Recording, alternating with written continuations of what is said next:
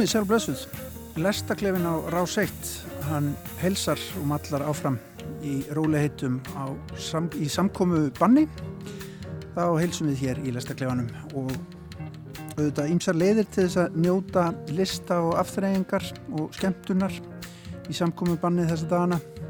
Látum ekki degan síða hér í þættinum og ræðum eitthvað forvitnilegt, eitthvað sem vekur forvitni eins og vanalega. Gæsti mínir hér í stúdjó Anderi eins og við köllum það hér í efstaleitinu eru Katrín Elvarsdóttir, myndlistamæður og ljósmyndari og Þórun Ósk Marinosdóttir, víjóluleikari og, og um, víjóluleikari í Sinfóni Ljónst Íslands, tónlistamæður. Velkona báða tvær hér í stúdjó Anderi. Takk fyrir. Takk fyrir. Og svo er maður fyrir norðan sem heitir Þórgnir Dýrfjörð, uh, hann er deildastjóri Akureyrastofu. Herri mér Þórgnir. Það ger ég. Hvernig er veðrið? Það er bara svona ljómandi gott. Það er ekki, jafn, ekki alveg jafn brilljandi eins og það var í, í gær, gær en, en mjög gott. Já, gott að heyra.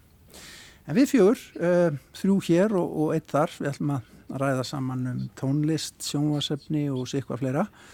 Uh, einlega eigin vali og ég uh, bað sem sagt gæsti mínum að velta eins fyrir sér svona menningamidlun á netinu uh, og við kannski munum ræða þar hér undir, undir lokþáttar en við ætlum hins að líka að hlusta á nýjustu plötu jazztrómuleikarans Einars Valls Geving og hljómsveitar hans, uh, kvartets hans sem að heitir Mikasa Sukasa. Mitt hús er þitt hús, það er nú kannski heiti sem á ekki alveg við í, hérna, samkofinbanni þegar maður passa sig á því að fólk kom ekki heim til manns en það er annar mál. Eh, við horfum líka öll á þáttarauðina Jarðaförin mín sem að Kristófur Dignusleik stýrir og er á sjónvarpi Símans. Og loks bað ég gesti mína einfallega um að velja sér einn menningarviðburð á netinu og menningarmiðlun einhvers konar þannig að það er svona þetta sem er að eigin vali hér í þættinum í dag En ætlum við byrjum ekki á því að ræða sjónvarpseríuna og þessa sjónvarpstætti Jarðaförin mín. Skulum heyra smá hljóðbrott úr einum þáttana. Kontu, það sína þér opnana. Ah, þetta er svo stór pítsaofn. Já, það mætti kannski segja það. Hvað eru menn lengi að bakast? Menn bakast ekki, Benni. Fólk brennur.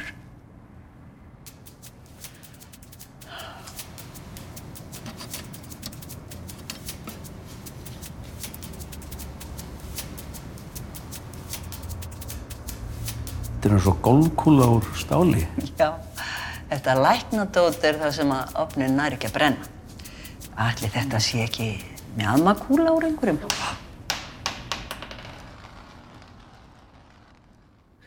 Já, þarna rættuðu saman döðvona Benedikt með mjadmakúluna úr einhverjum í höndunum, leikin af Latta og presturinn Ólöf, líka gömul kærasta Benedikts í þessum þáttum, leikin af Ragnæði Steindórsdóttur.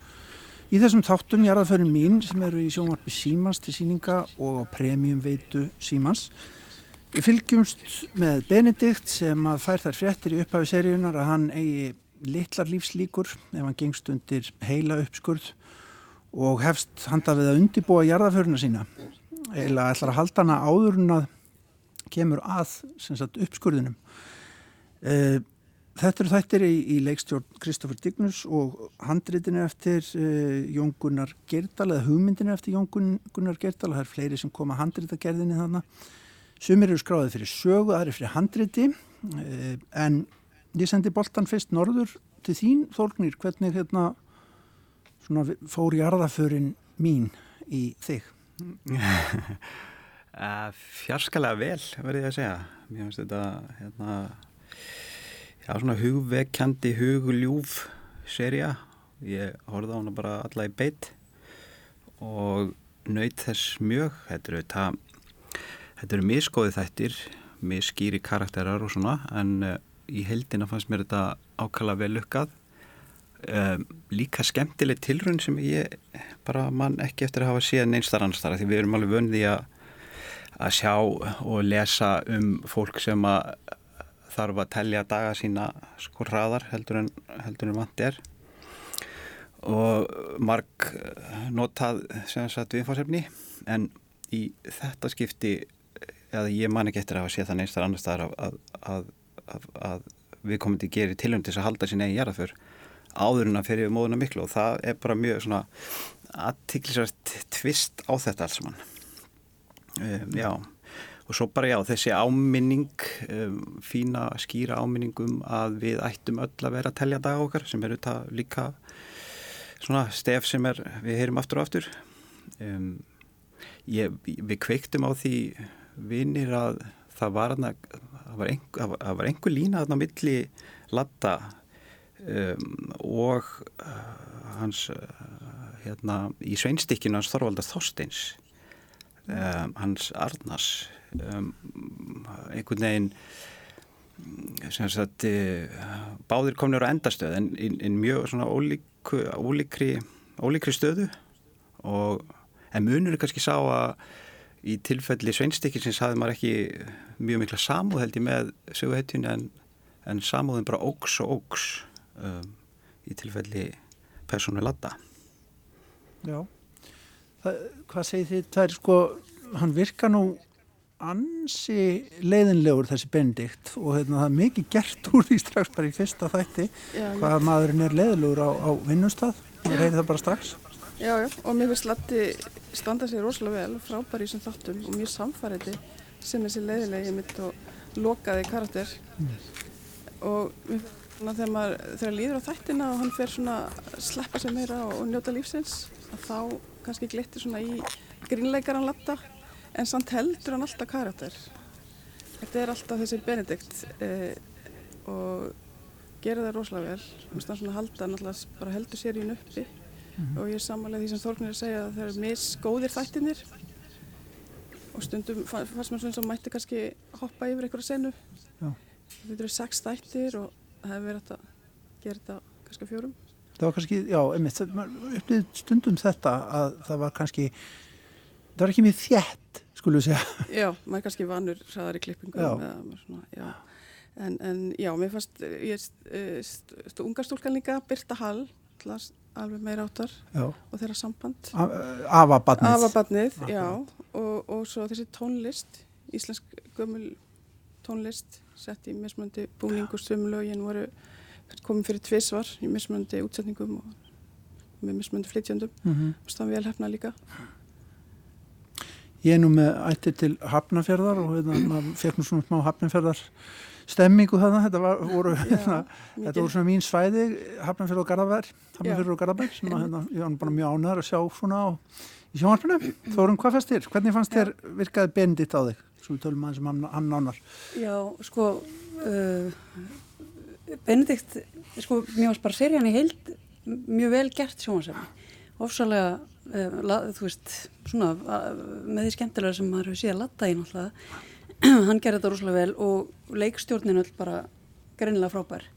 Þú veist, bæði latti og, og litla stelpan allir, allir. Benedikt sko uppásennan er ótrúlega fyndina því að þegar að yfirmaðurinn hans er að kveðjan og reyna að segja eitthvað í gríni en að já, en svona öllu gríni sleppt og alltaf svo að fara í eitthvað en hann kemst aldrei út úr því. Hann bara, hann getur ekki sagt neitt í ákvæmt um hann sem er, sem hryllilega sorglegt og svona tragikómist sko, hann, hann er ster, hann er kynntur til leiks og svolítið stert sko.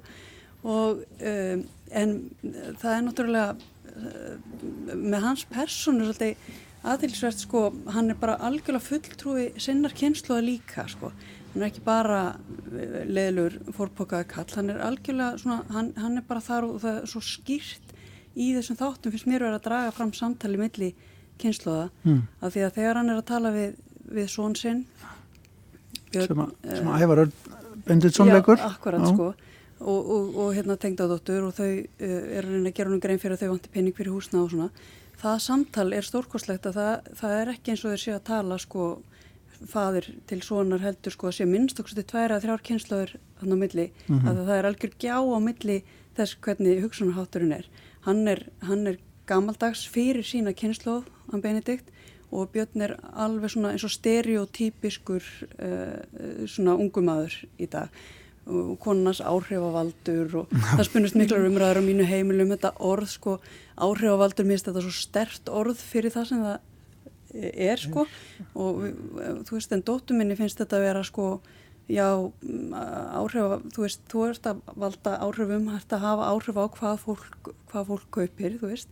Þetta er nú bara nýtegund af auðlýsingum. Er, það, og maður skilur það vel að fyrirtæki fara þessa leið að því að, að krakkar er ekki að horfa á línulega dagskar og að hlusta útvarp, þau eru á internetinu. Já.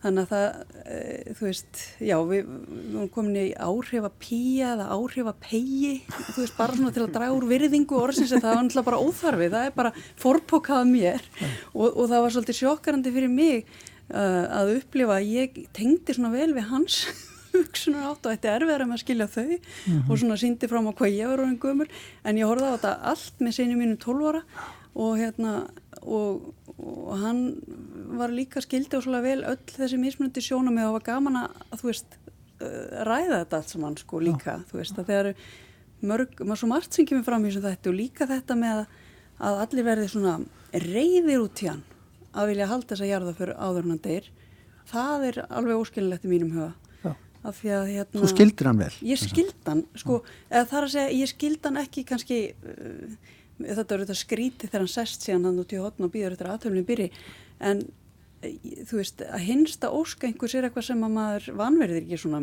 mikið, sko.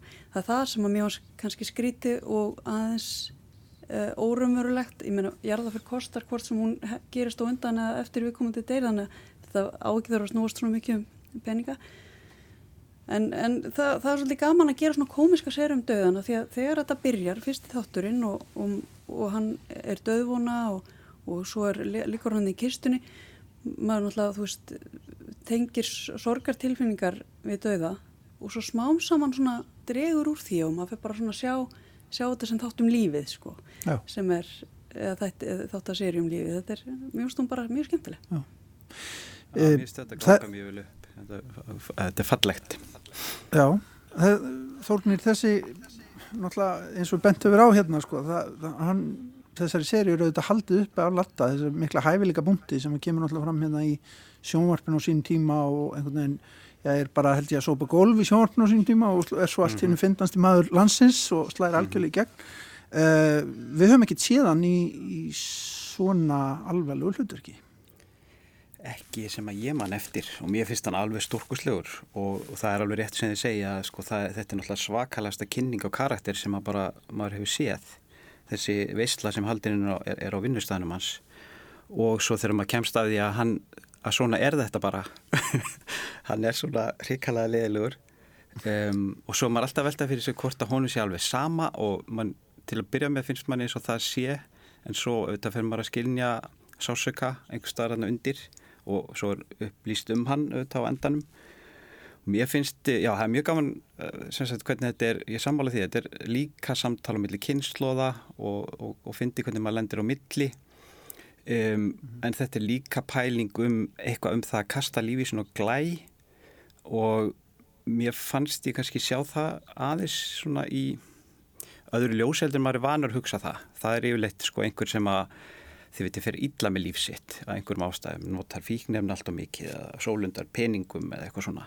En þarna vorum við með svona sérstatt dæmi um hvernig hægt er að kasta lífið sínu á glæ af því maður hleypur á, er á stöðum flotta und, undan öllum mögulegum sásöka. Mér finnst það svona rosalega stert og, hérna, og, og mikið umhugsunarefni það er sársökið mitt sem kemur svona daldið í ljós hægt og rólega. Já, ég veit ekki hvort þeim að segja mikið um það sko, fyrir, vegna þeirra sem ég eftir að sjá, en, en hérna, mér fannst það alveg óbærslega stert, hvernig það er svona flettist smám saman ofan að því og, og hérna, einhvern veginn, auðvitað, maður stekkur alltaf að reyna að skýra, af hverju er hann svona leðilegur, af hverju er hann svona hryllilega lokkaður og ómögulegur? Og, og En það kemur svo ekki í ljósinn aðeins líður á hérna, hver, hver hinn raunverulega ástæði er. Og mér finnst þetta mjög stert og svona eitthvað sem að, einmitt, er auðvitað að tala um við þá sem hafa líka séð seríuna. Já, ég sammála. Þetta er, þetta er einmitt mjög stert element og, og svona er, segir, þú veist, að það gengur ekki að fara í gegnum lífi að þess að gera upp tilfinningarnar. Það mm. er kannski ekki endalist að þetta sópundi teppið. Mm -hmm. Svo að það virkir mjög vel reyndar. Katrín, þú ert ánað með svona áferðinu á þessum þáttum? Já, ég, mér finnst það alltaf gamaldags. Kanski líka tökustæðinir er ekki þessi típisku eins og þú tala um Hafnafjörð og Garðabæ. Uh, og, og íbúðin hans og svona þetta var allt svolítið gamaldags. Já. En alltaf kontrastinn þá við, við sérst, sonurinn og þau voru alltaf meira samtímaleg sko en, en, en hérna já, þetta er svona myndir vissuleiti á Íslands sjónvarp stundum fannst mér eins og samtölun svona myndu á einhver leikrit sem maður sá sem krakki eða Já. slikt. Ég, ég lokaði stundum augunum og ég hugsaði þetta er hljómand alltaf eins og útastleikrit Já, það er kannski svona díalókurinn stundum já, dálítið þannig já, Já, sammála. Og ég sammála því líka, mjög veist músikinn rosa vel valinn í, í þessu. Já. Og ég þarf að spóla tilbaka til þess að hlusta aftur á, á Egil Ólafsson taka stuttuð skref. Já, Með það var, Moses ég fannst það Hightower. æði. Já, það var flott staðrið í þáttunum fannst mér í Já, þetta á þess að við segjum og mikið fyrir þá sem er eftir að klára já, sko. já, já, já, já, já. En það er alveg eitthvað til að taka til. Já, gott að heyra.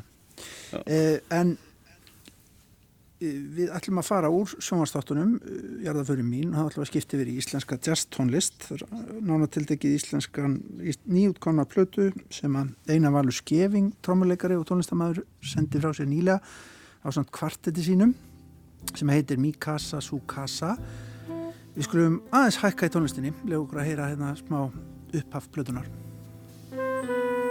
Já,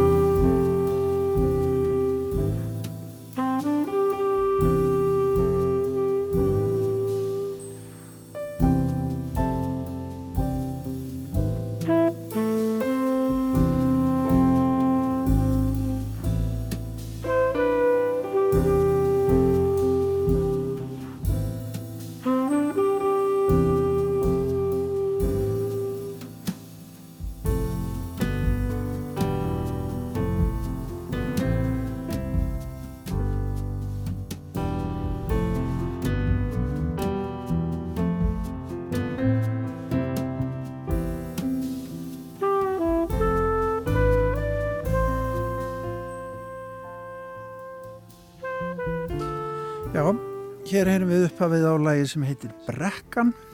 Þetta er fyrsta lagið á þessari plötu Mikasa Sukasa með kvarteti Einar Skevings, trómuleikara.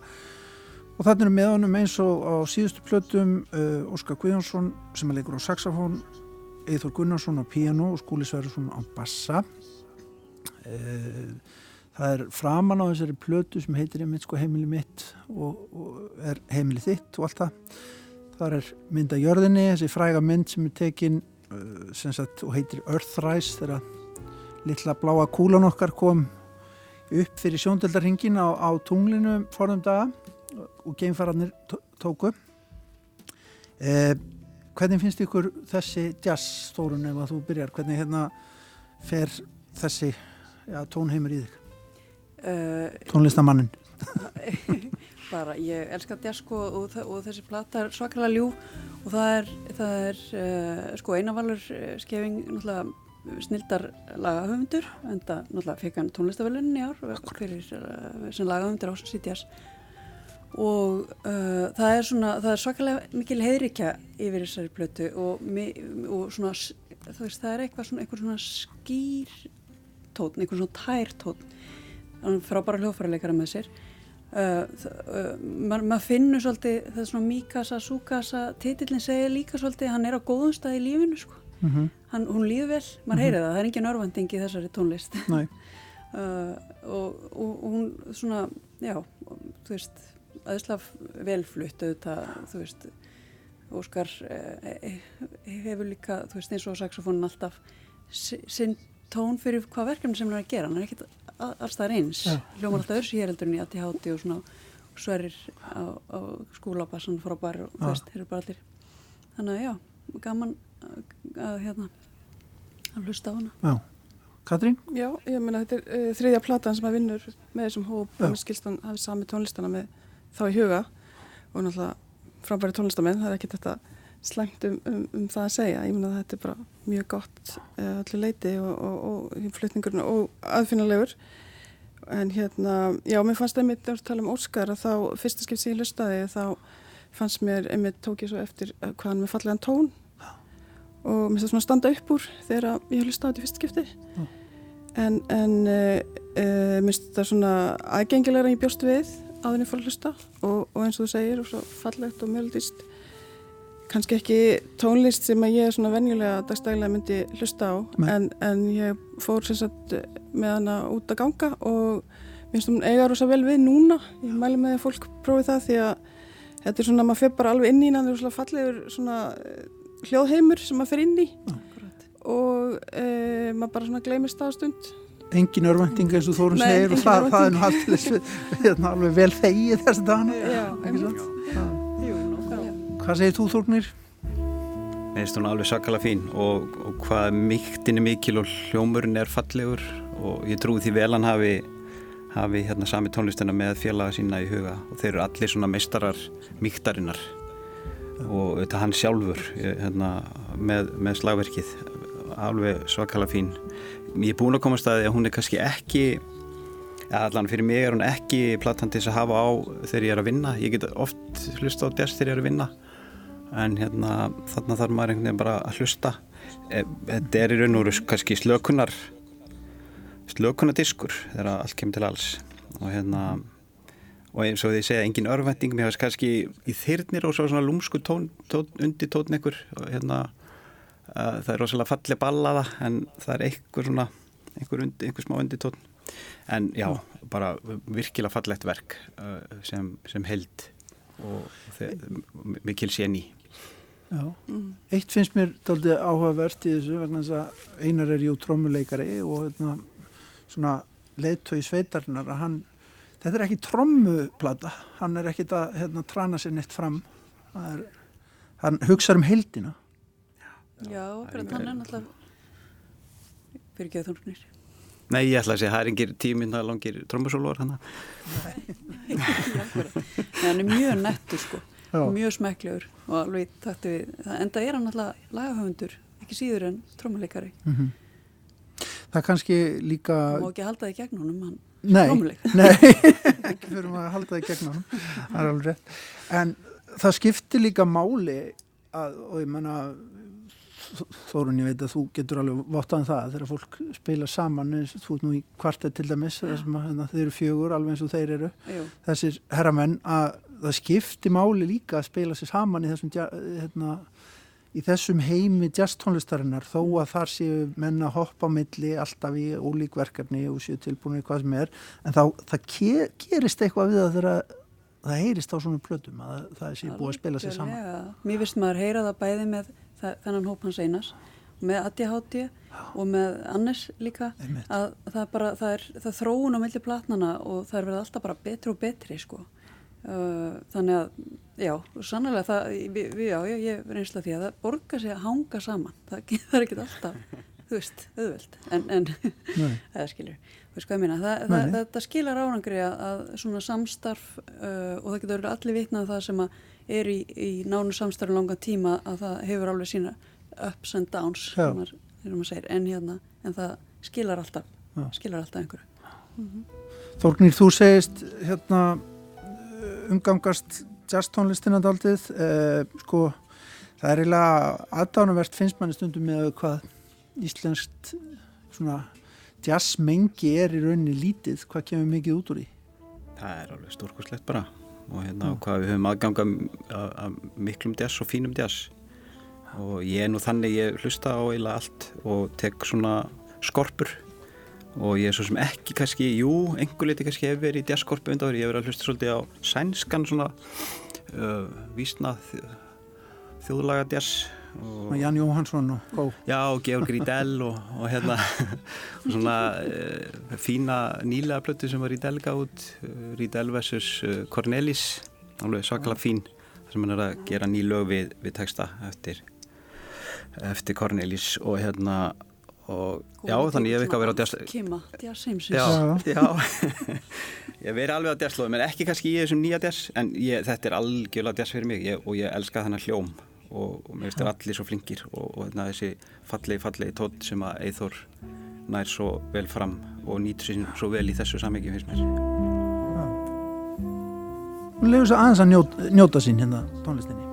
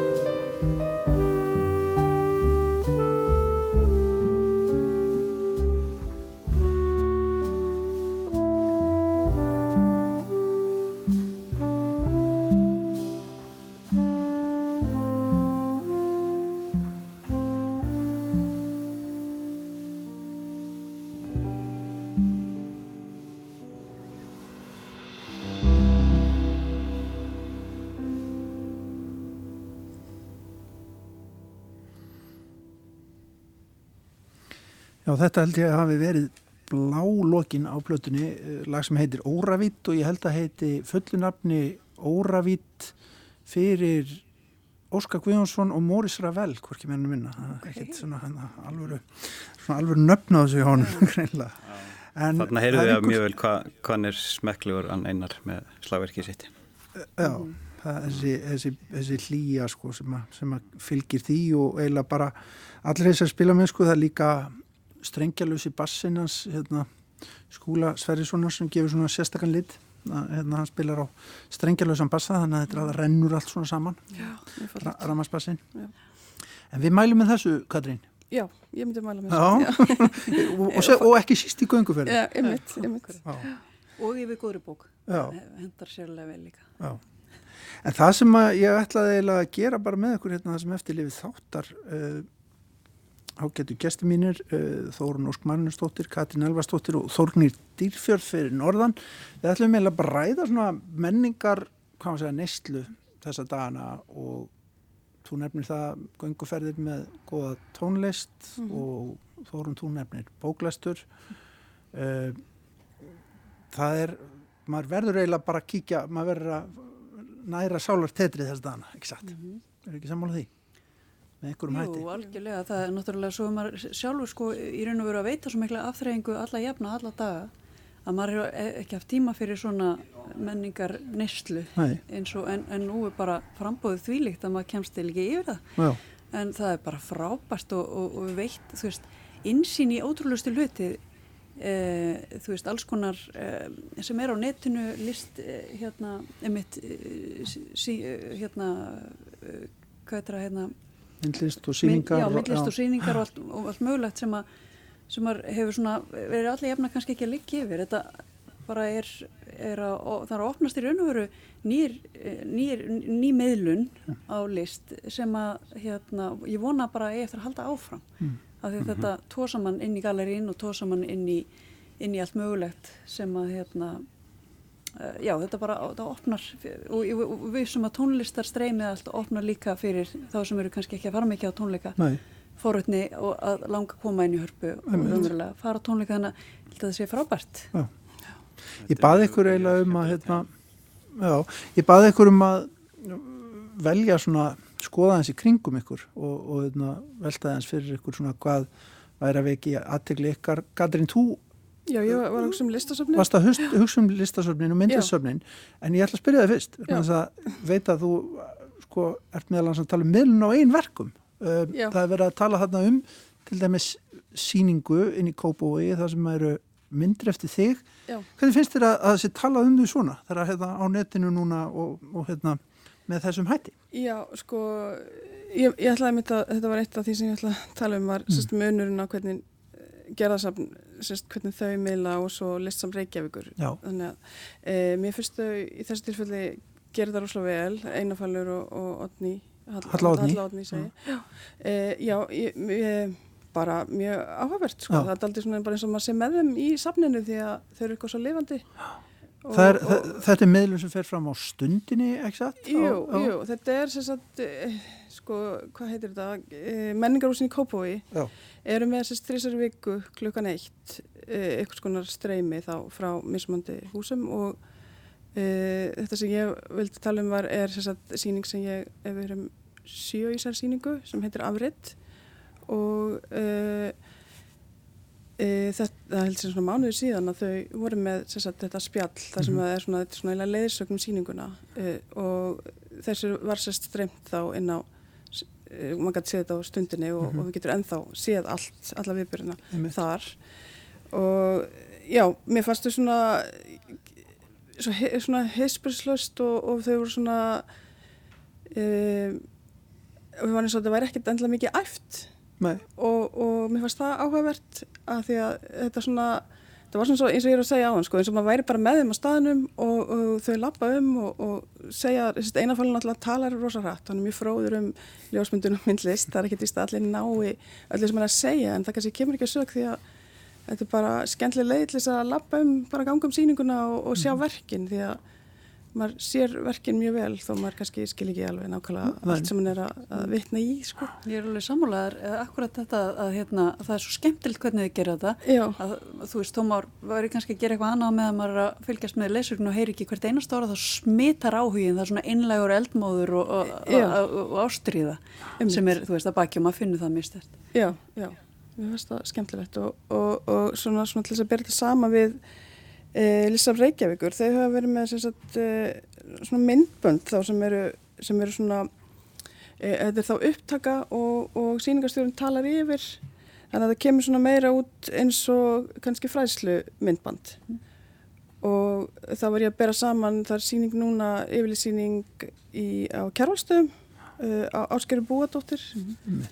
Uh, ég hef ekki séð síninguna ég bara séð þessa kynningu og hún var mjög góð og, og mjög svona fræðandi og þetta er svona eins og maður getur, ég vil nota það í kennslu rosalega vel gert og verið, það er þarna já, verið að segja frá bakgrunni, það er svona farið alveg, kannski eitthvað alltaf rætt yfir en, en, en samt mjög svona skirmerkilegt og, og þetta er svona bæ, mér finnst það svona áhugavert að bera saman því að mm. maður fær svona mismunandi út úr því að, að, að sem sagt, horfa á það. Þetta er ekki samskonar upplifun. Það er alveg samanlega, ég sá líka þess að frá Aldísi og, og hún er mjög þægileg Já. af því að hún þvælist ekki neitt fyrir, hún bara upplýsir mann og mann nær öllu og það er Já. svo gaman að sjá sýninguna í gegnum veist, og mann langar bara ba- strax að fara. Já. Þannig að þetta virkar bæði vel þó þetta sé svona gjörólíkt. Já, og, og maður hugsa líka kannski bara hvaða svona markhópur eða hvernig, hvað safni sér fyrir sér sko þegar þið ákveða að taka svona ákveðunum, hvern, hvernig þið ætla að miðla og, og svo líka bara upp á framtíðina að mér finnst þetta alltaf að vera svona. Frábær Já. heimild um síningu. Mm Alveg frábær. Ég, sammála. ég er nú vannur að Já, sammála því Ég er náttúrulega ég, Já, ég, já. hérna, ég er sko vannur að stunda bara svona skiknilýsingar í útvarpi þegar kemur að myndlist og er meinilla við að þetta sé sínt í mynd Nei, ég, ég segi nú Já, svona ég ætla að segja var sko að um, hérna fyrir norðan þá uh, fundum við mjög snemma með söfnunum að því við erum nú svona menningaskrift og bæjarís og þá var einmitt ákveð að öll söfnin tóku sér til og f- svona færðu sig yfir á neti og yfir á samfélagsmeilin og við byggum okkur til hashtag sem var reyndar mörg söfn líka annars starf á landinu er að nota sem heitir bara safni í sófan og þetta var svona sammeilitt átak allara safnana að, að sagt miðla. Og ég held að bara mjög margt af því sem þau hafa verið að gera, þetta er allt frá brandspókarsafni yfir á yðnaðarsafnið okkar og listasafnið og að margt af því sem þau eru að gera þarna muni haldi áfram og við erum búin að vera velta vengum yfir því sko áður en að þessi hérna, veiru fjandi fór að herja okkur sem hvernig getum við nálgast bæjabók hvernig getum við nálgast fólk sem er minni áhuga en aðrir og svo framvegis. Og svona söfnin veri fyrir eigendur sína eins og er alltaf kepp í kepplið um, allt innu er það bara einhvern veginn að gerast allavega að breyka mjög mjög mikið og það hérna Já, og það væri, það væri sko mjög óskandi og held ég bara eftirsóknarvert að margt af því sem að núna hefur verið fundið upp á einmitt um, haldi áfram. Af því að þetta er, þetta er, þetta er eikur aðgengileikan mjög mikið og kannski pínir safnafólki okkar til þess að hugsa út fyrir svona þessi venjulegu þessa, ven, þessa venjulegu ramma. Og þannig að mér finnst það mjög gaman að fylgjast með þessu Já, minnst það í sammáli frá, frábært og, og vonandi að haldi áfram að því að ég held að þetta er eftir að auka þessogna á söfnin frekar en, Já, Já, frekar en að fólk fari bara heim í sofa og segja, já, þá er ég búin að segja áskeriði. Nei, nei, það maður langar meira að sjá. Já, sko, já. maður- já, Þetta er náttúrulega ekki það sama að Nei, Þetta er svo og- og- stikla sko. Einmitt. Nei, af því að, og við erum náttúrulega að tala um þessi, öll þessi frábæri hús okkar sem eru miður lokuð þessi dagana og hérna, þar á meðal er harpa þórun, ég veit að þú erst aðeins búin að vera að veltaði fyrir þér hvernig hérna, hvernig hefur gengið með miðlun þaðan og þar eru auðvitað kollegar þínir hérna í, Já. í Symfóniljónst Íslands að tromma upp með alls konar og fullt af reyndar fleiri tónlistamönnum neyri hörpu. Já, alveg frábært dugnaðar í fólki. Bara hverjum degi útsending, það er annarkvæmt dag, uh, mándum, mjögtum, föstum er, er symfónían með slott eða sem sljófari leikara síðan er á 30.50 arja dagsins. Um, er ekki alltaf þannig, ég held að skiptist alltaf þannig. Og hérna, semst bara alltaf 11 á, á 11 á hverjum einasta mótni á RÚF 2. Uh, það, það er svona... Uh, kannski eina sem að varðandi alla þessa kynningu og öll þessi hastök og allt það er svo mikið sko að gerast náttúrulega núna að, að miðla menningu á nýjan hátt sem bara uh, allt frábært. En ég veit að þetta fer aðeins framhjá til dæmis Uh, mamma vissi ekki að þetta væri á rúftu klukkan 11 á mótnana mér er þess að nefandi minn sem ég var að kenna um daginn sem að vinnur á einhverju hjúknarheimili hún hafði ekki vitað á þessu þannig að einhvern veginn hafði farist svona, farið fram hjá henni Já. þó hún sé á Facebook og, og horfa eitthvað á sjónvarp að, að svona kynningin á þessu kannski, ég veit það ekki. Þetta auðvitað á að sjálf kynna sig svona. Já, en verist svona vanta kannski, ég veit ekki kannski þarf þetta að vera stökusunum á bara rúf 1 já, til þess að draga aðtilina að því að þetta sé að, hérna, þú veist kannski sviss út einum íþrótta fyrir þetta tíma Mhm, já, já, já, já, já, af því að það er nú kannski ekki mikið að gerast þeirri kreðsum þessi dana. En hérna, sko, það er alveg gaman að sjá hörpu líka, að, að sjá, að því að þetta snýr allt öfugt, að það, maður horfir út í sal, það svo, Já. og hérna, sætin eru tóm og, og þannig bara fólk að spila upp á svið. mm og þetta er svo sem er að hérna, koma úr fleiri áttum líka, líka úr, úr, menni, úr salnum í Kópái og frá menningarhúsunum þar Mhm. uh, Þórnir, þú varst að hugsa um líka einhver aðra músik, að það ekki? Já, eh, þetta er svo óbúslega fjölbreyttið svo ég segja og þetta er svo mikið að það er ekki, ekki, nokkulega að komast yfir allt og, og hérna, ég datt, ég hafði ekki tekið eftir því að Eivur ætlaði að vera með tónleika, svona stofu tónleika heima og datt einhvern veginn sem bara óvart inn á það, hún var hérna fylginu á, fylgi, fylginu á face, Facebookinni og, og það kom allt ínu bara svona poppað upp að nú væri hún að byrja með live streymi og ég stilti yfir á það og þetta var svo skemmtilegt, þetta var svo óvænt, bara svona lögataskvöldi ég var rétt að klára elda matinn og við að fara að borða. Og mjög hugulega stemming. Þetta er bara heimann úr, stofi á henni og hún var nú ábygglaður sem fyrstu tónleiku bara svona með rauðvinsglas og var svona að spjalla við okkur og, og þetta varði eitthvað svo við, þetta, þetta, þetta fjall eitthvað svo vel saman bara við stemmingunum sem var heima þetta var semst, tvö heimilega saminast og svo þessi, allir þessi sem voru að horfa náttúrulega eins og hún er uh, svo frábær og nær svo góðu sambandi bara verið störa við hvaða kringustæði sem er. Svo er bara verið að gera fína hluti og skemmtilega hluti og þrándur kemur stundum og, og hérna syngur eitthvað með henni að spila undir og sýstir hennar komið daginn og rattaði fyrir hana og, og þetta er mjög skemmtilegt og ég veit, ég held hún hafi bara til að byrja með alltaf að vera með eina tónleika svo hefur þetta bara svona framlengst og heyr himna smiður sunguði saman held ég síðast Er þetta á mjög Facebook eða hvernig? Þetta er, Já. Ég sá þetta á, á YouTube bara held ég. Já, já. Já, hún, hún notar YouTube ásina sko en, en sagt, uh, þetta kemur upp eða kom upp í gegnum, gegnum fjesið hjá mér og hérna svo, svo sem eins og maður spöglar maður spöglar alltaf sko, er þetta live eða ekki? En það skipti lengum máli. En hérna það er náttúrulega ringdi yfir hana kommentum og kveðjum úr, úr, úr, úr öllum heiminum, öllum heimsóldum og þetta er rosa gaman. Og svo voru Já. hérna, nollenski krakka með útsendingu það var svona heima líka og, hérna, rosalega fjölbreytt. Og það var kannski mest hérna en svo var einn í Berlín sem er þar í tónlistanámi og var svona að syngja fyrir okkur hinn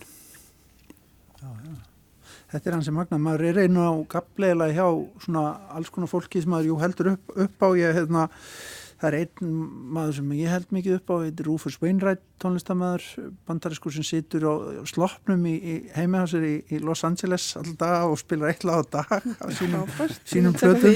og hann kallar það svona ekki slops, slops tónleika mjög, mjög Já. skemmtlegir og hann er svona æfilega perraður á þessu ástandi. En hérna, og svo rakst ég líka á hérna, gamla leikaran hérna fræga, Patrick Stewart sem er að lesa sonnettur eftir Shakespeare heimi á sér, það var alveg dásamtefli.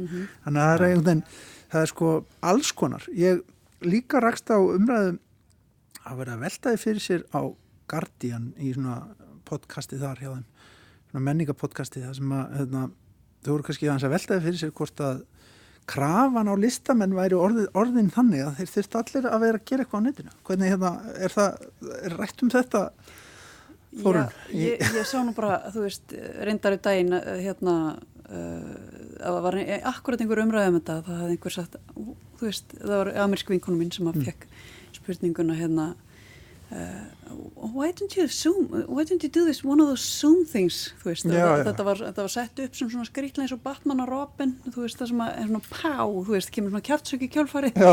að því að, að, að hérna, þú veist, þetta er, þetta er ekki svona zoom-thing, þetta er náttúrulega meiri háttar prójekt að búa til, þú Já. veist, uh, uh, margarata uh, upptöku og setja inn á interneti.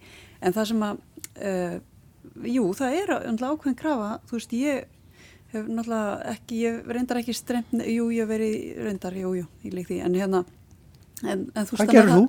Ég var, var með, Strókvartin Siggi var með tónleiki Mengi eftir, með tónlist hérna eftir um, það var verk eftir Unu og Hilmar Örn og uh, hérna Pétur Jónasson gítarleikara já, já. og Tinnu Þorsteins. Þau voru að vinna, vinna út úr forrættinu hérna hans uh, Kjartans Ólafssonar Kalmus erkitíð, já þetta var svona streymi úr hérna tómamengi já. og svo var ég líka reyndar að streyma tónleikum í gerð frá Akureyri til Kraká tónlistur Alla Örvarsson Frá Akureyri? Já, já, já. Úr, úr hofið þá? Úr hofið, já og hérna það var líka strengi kvintet pluss piano harmonika. Og var það sendt sérstaklega til Kraká? Það verð, já, það, það, var reyndar svona eins og live upptaka en síðan er uh, verið að sendt út á einhverju, í stað þetta átti að vera svona stór kvikmyndatónlistráttið sem hann var að fara á og í staðinn þá hérna var sapnað svona streymi, streymisbútum hérna og það og þessu verður síðan, síðan verður hátíðin haldin í, það, í þessu formi einhvern veginn. Mm. núna bara næstu dag mann ekki nokkulega kvenar mm. Þið sjáu það að tengingarna líða hérna, þar liggja víða. Mm. Mér finnst líka áhugavert að vera að taka upp að vera að taka upp kvikmyndatólist í hofi þessa helgi. Og mér er sagt að þetta sé líklegast eina hérna, hljómsveitin sem getur tekið upp kvikmyndatónlist í heiminn bara um þessum myndir hérna, sem er alveg frábært og fyllir mann pínum björnsinu um, um örlög Ísland, Íslands eftir þetta alls En Katrín, hvað séu? Nei, ég var bara hugsa um, sko, því að hann að tala um, ég skoðaði eins og þannig að þegar Ævar var sagt, í, með stofutólingana og, og, og þá voru komað svona komment frá allstaðar að heiminum, Brasilíu, Kanada, Pólandi, ég veit ekki hvað land, Suður Afrika, mm -hmm. það var allir að kommenta og, en samt var þetta svona eins og maður væri í heimsóknjáni og svo var hérna þessi maður David Hope sem að þú mælti Daniel Hope, já. Já, Daniel, já, Hope, sem er með tónleika líka stofu heimahjörsir á Arte mm.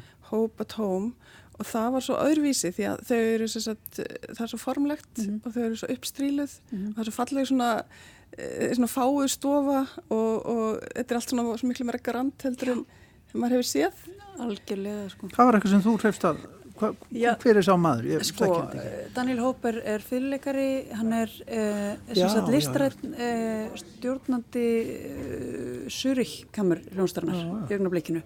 Hann er írskættaður, fættur í Suður Afriku uh, uh, já, bara rosafling fyrirleikari.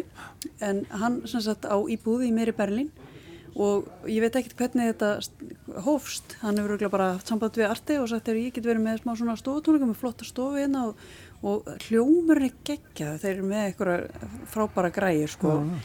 og hérna hann er að fá til sín sko Simon Rattle kominn um daginn og settist í píanóið og spilaði sko spilaði Kablu Brahms víólusónutu með Amahai Gross Já. sem er hérna víólulegarinn í Bellinfílamóninni, stórkslu víóluleikari okay. og, og þau spiluði líka Brahms sönglauginn með söngkonu. Og hérna hann, ég hef aldrei síðan Rattle sitt hefur bíanaði sko.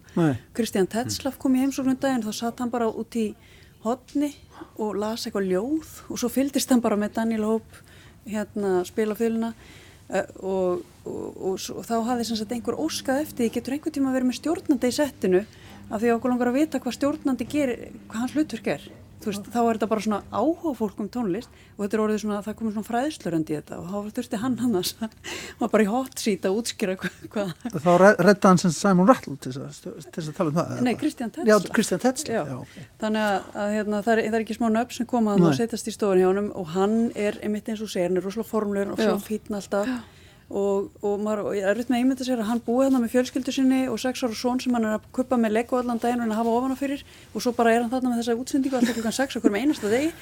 Það var nú ekki svona fínt heimið mér. Hérna, og, og hann er óbúslega kemur vel fyrir og bara eins og þú veist þjálfaður sem varsmaður sko, þú veist hvernig hann en, en það er samt rosa svona kósi sko, eða þetta er ósalega hefðbindi það er ekki eins og séur að spila nútíma tónlist og maður sér sko að þauðlur er bara óendanlegt, þú veist það er endalist að spila einhverjum fróðu músík sko þegar þú ert komið fyrir í hendunar og þeir eru líka með fræðslu ég, ég, ég svona sá tvo þætti svona fór svona hrætt yfir þá. Og það var alltaf einhver fræðsla og það var annar, annar þátturum var með, með trombitleikara sem að spilaði einhvern jazzstandard. Ja, akkurat. Þannig að það er svona alls konar í gangi, en, en mér finnst það mjög skemmtilegt, ég skoði þetta frekar, sko. Þetta er, þetta er mjög vel magna, gert. þetta er alveg, þetta er magnað og bara hugsa ykkur hvað þetta er fallið nýting á þessum voðalega tíma. Ég sá líka alls- Eivur. Já. Já, nei, segðu, nei, ég var bara að hugsa um þetta hvað það væri fallið nýting á þessu tíma. Því að síðan þegar hérna, hlutnir fara aftur í sama farið að þá er þetta fullt af þessu fólki sem eru ekki tíma til að gera svona skemmtilega hluti en, en þetta er ákvæmlega fallið nýting á, á þessum, þessu tímabili. Það var bara það sem ég vildi segja Já, ég er alveg og það er svolítið svona eins og hérna sko, það er allir að streyma tónlist og það eru frábæra líka heimsendingarna frá Simfo sem eru bara á Facebook, það er bara svona nokkra mínútur. Og ég verð nú eiginlega bara að nefna slæðans rappkelsum daginn sko, það var frábært. Sem hann hérna tók uh, hérna Libertango, nefnið Oblivion. Já, eftir, Eh, eftir, Piazzolla. Piazzolla og gerði Níu átta rattir ofan á, sjálfan sig, það var ansi, einmitt. ansi flott. Já. Og hérna ímislegt svona sem er mjög kósi og eifur, það er ótrúlega maður bara svona sekkur í sófan sinn. Þannig að maður te það tengir svo mikið við manns eigið ástand. Allt þetta sem gerist svona heim í stofu hjá fólki sko. Já, við erum eitthvað náttúrulega líðsum, maður finnur Já. það alltaf. Ég, mér langaði að nefna að því að við vorum að tala um myndlistin aðan, þá er á, á sem sagt, Instagram-miðlinum um, er, Alma Elisabeth Svensson er með fyrirtæki sem hún kallar Listval og er svona listráðgjöf í rauninni þegar það kemur að myndlist og hérna er með svo skemmtileg innslög eila inn, innsýn í líf myndlistamanna á Instagram síðunni sinni. Þá getur maður fylst með sagt, það er myndlistamenni taka yfir Instagram síðuna hjá Listval og sína heimti sín og inn í hérna inn á sína vinnustofur og svona og er að sína hvernig þeir vinna og, og eila bara lifa lífinu vera á leiðin í vinnustofuna og í og úr vinnu og svona. Mér finnst það mjög áhugaverðin sín. Já, þetta er mjög skemmtilegt. Ég hafði sko fylst með þessu, þessast ljósmyndunum sem að, eða þessi myndunum sem kom á Instagram Mhm. sem er þá kannski meira svona eins og eitthvað hönnunar blað væri að, að þess að þetta er oft tekið þá eitthvað, eitthvað listaverk og svo inn í stofu eða einhverstaðar í Já, það- fallegu húsi, hvað er það staðsest, já. já, og mjög skemmtilegt að fylgjast með því, en ég hafði ekki átt að mig á því að það væri þessi innlitt og ég var einmitt að skoða þetta núna e, fyrir þáttinn og, og, og þetta er bara svo ólíkt hvernig fólk gerir þetta og mjög skemmtilegt að, að sjá hvað, hvað er í gangi. Eins og ég sérst sá þarna Sigur Atli var með mjög skemmtilega kynningu. Einmitt. þar sem hann er svona að fara líka í sinn bakgrunn þegar hann, hann, var, hann læri í Fraklandi og hann gerir þetta, klippir þetta mjög hratt en, en maður fær alveg svona einsýn inn í mjög langt tímabil í hans lífi. Á Já. þessum, ég veit ekki hvort eru bara einhverja mínútur en eitthvað svoleiðis en, en hérna er mjög skemmtilegt og svo eru aðri kannski sem eru með meira svona svo dagbók Já. byrjar vakna með mótnana og fylgjast með þeim allan daginn svo Og þetta er allt aðgengilegt aftur í tíman sem Já, sagt, í já. svona þessu Instagram story eins og það er kallað. Þá, þá getur maður hort á einn Eh, Þetta er eiginlega eins og litli sjónvastætti sko. Þetta er já. alveg ótrúlega vel hernað. Já, Og mjög skemmtilegt Já. Ég, hérna, veist það er svo frábært þetta fyrirtækjanar Elisbetar og hérna uh, og, og bara, þú veist, svo mikið, það var svo mikið þörf á þessu Já. akkurat þessi brú á millin, milli kaupandans og þeirra listamanna sem eru ekki að sína í galleríum og þau eru ótal listamenn og, Já. og, það hefur verið erfitt fyrir fólk sem að þekkir ekki til að nálgast ákveðin verkanum veist þetta svo frábært framtak en þú þurft að kenna mér hvernig maður skoðar hitt. Já, já, Já. við erum bara að kíkja það eftir, eftir þáttinn. svona alls konar miðlun. Erðu en fyrst við erum með þig á svona hálf, hálfvegs á línunni þórknir, hvernig hérna svona tónnin í listafólki á Akureyri, hvernig er hann? Þetta er náttúrulega slungi tími og, og hérna, margt sem hefði átt að gerast á þeim tíma sem liðin er, sem ekki varð og, og hérna, jú en samt er, mér finnst nú átrúlega bjarsinn hljóð í fólki enguða síður, uh, verði ég að segja og það er engin bara lómur sko, þannig, en ég veit að þetta hefur verið slungi tími og heilmikið tekjufall hjá mörgum sem að hérna eru að missa af tækifæri sem að hefðu orðið á þessum tíma. En, en, en heilmikil sköpun í gangi og, það, og bara svona þessi gróska sem að finnu sér bara sína leiðir. Og hérna ég nú að hugsa um hvort að þetta semst að því að allt, öll þessi innlitt á heimili fólks og, og hvernig fólk er að deila því sem það á og hefur, hvort að það sé einmitt bara míkassa, súkassa hvort það sé ekki bara ágætt yfirskrift yfir þetta. En, en hérna en uh, jú, það, það mér finnst vera ótrúlega gott hljóð í fólki og hérna og, og já, bara heilmikil gróska þráttur er allt. Og það fólk að undirbúa sig þá bara fyrir komandi tíma það er, það er mjög mikið. Og við reyndar, já, og landið mun rýsa og, og, og Íslands menningarlíf mun, mun rýsa eins og, og efnarslíf og annað, er það ekki? Jú, jú, það mun gera það. Ekki alveg full veist með það. Ef við ekki bara láta þetta svona nokkurn veginn vera að loka messu orðin hérna hjá okkur í dag. Uh, takk kærlega fyrir komuna í Lestaklefan, Katrin Elvarsdóttir, Þórun Ósk Marnusdóttir og tæknumenn okkar við þökkum þeim. Einar Sigursson situr hérna einhver inn í húsi í Estarleiti og Björgvin Kolbensson er fyrir norðan. Bestu þakkir fyrir að hlusta á Lestaklefan í dag og getur hlustendur. Við verðum hér aftur með umræðu um listir og menningu í næstu viku. Eflust eitthvað forvitnilegt þá sem að bóðu verður upp á. En já, við glemdum að segja eitt. Við glemdum að segja líka bara gleðilt sumar frá sumar. Mm, sumar. því þetta er fyrsti lestaklefi sumarsins 2020 takk fyrir það. En uh, verið sælega guttulustendur, takk fyrir að hlusta